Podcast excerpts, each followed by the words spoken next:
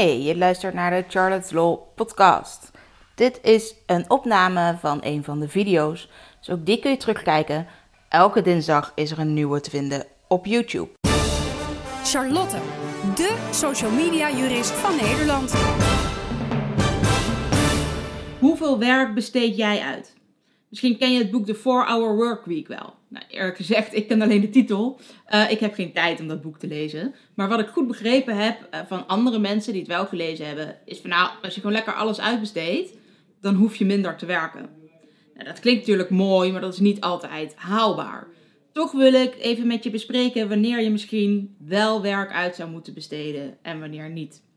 Het is dan misschien wel een aardig uitgangspunt om te bedenken wanneer jij vindt dat andere mensen een opdracht bij jou neer moeten leggen. Als jij een webdesigner bent, wanneer vind je dat mensen nog wel zelf een website kunnen bouwen en dat dat gewoon goed genoeg is?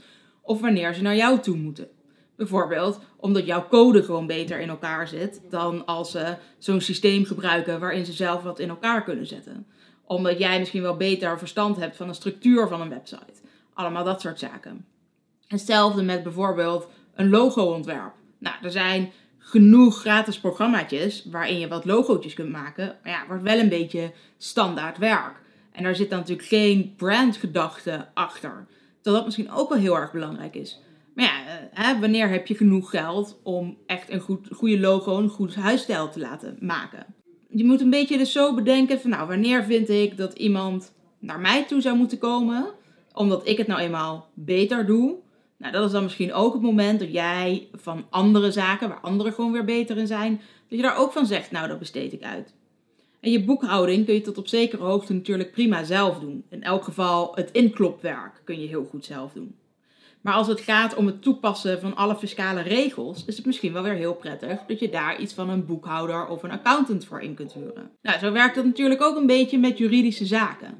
Wanneer zet je daar een jurist voor in en wat kun je zelf doen? Dat hangt er ook vanaf hoeveel risico je wil nemen. Ben je bereid om veel risico te nemen? Nou, prima. Dan kun je misschien heel erg veel dingen zelf doen.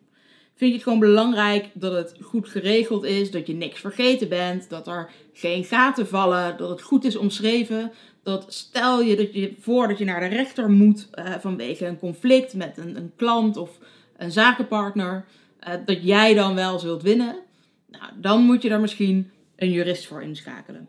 Dus dat is eigenlijk wat ik je vooral mee wil geven. Wanneer besteed je nou iets uit en wanneer doe je iets zelf? Weeg een beetje je belangen af. Kijk niet alleen maar naar de prijs en wat het kan kosten, maar vooral ook wat het je op kan leveren of wat het je misschien eigenlijk juist aan heel veel problemen kan voorkomen. Je wil bijvoorbeeld geen ruzie met de fiscus. Nou, dan heb je liever een boekhouder die het allemaal goed voor je regelt, dan dat je later opeens heel erg veel terug moet betalen en je dat geld niet hebt. Dan kun je beter vooraf wat geld uitgeven. Bovendien bespaart het je tijd.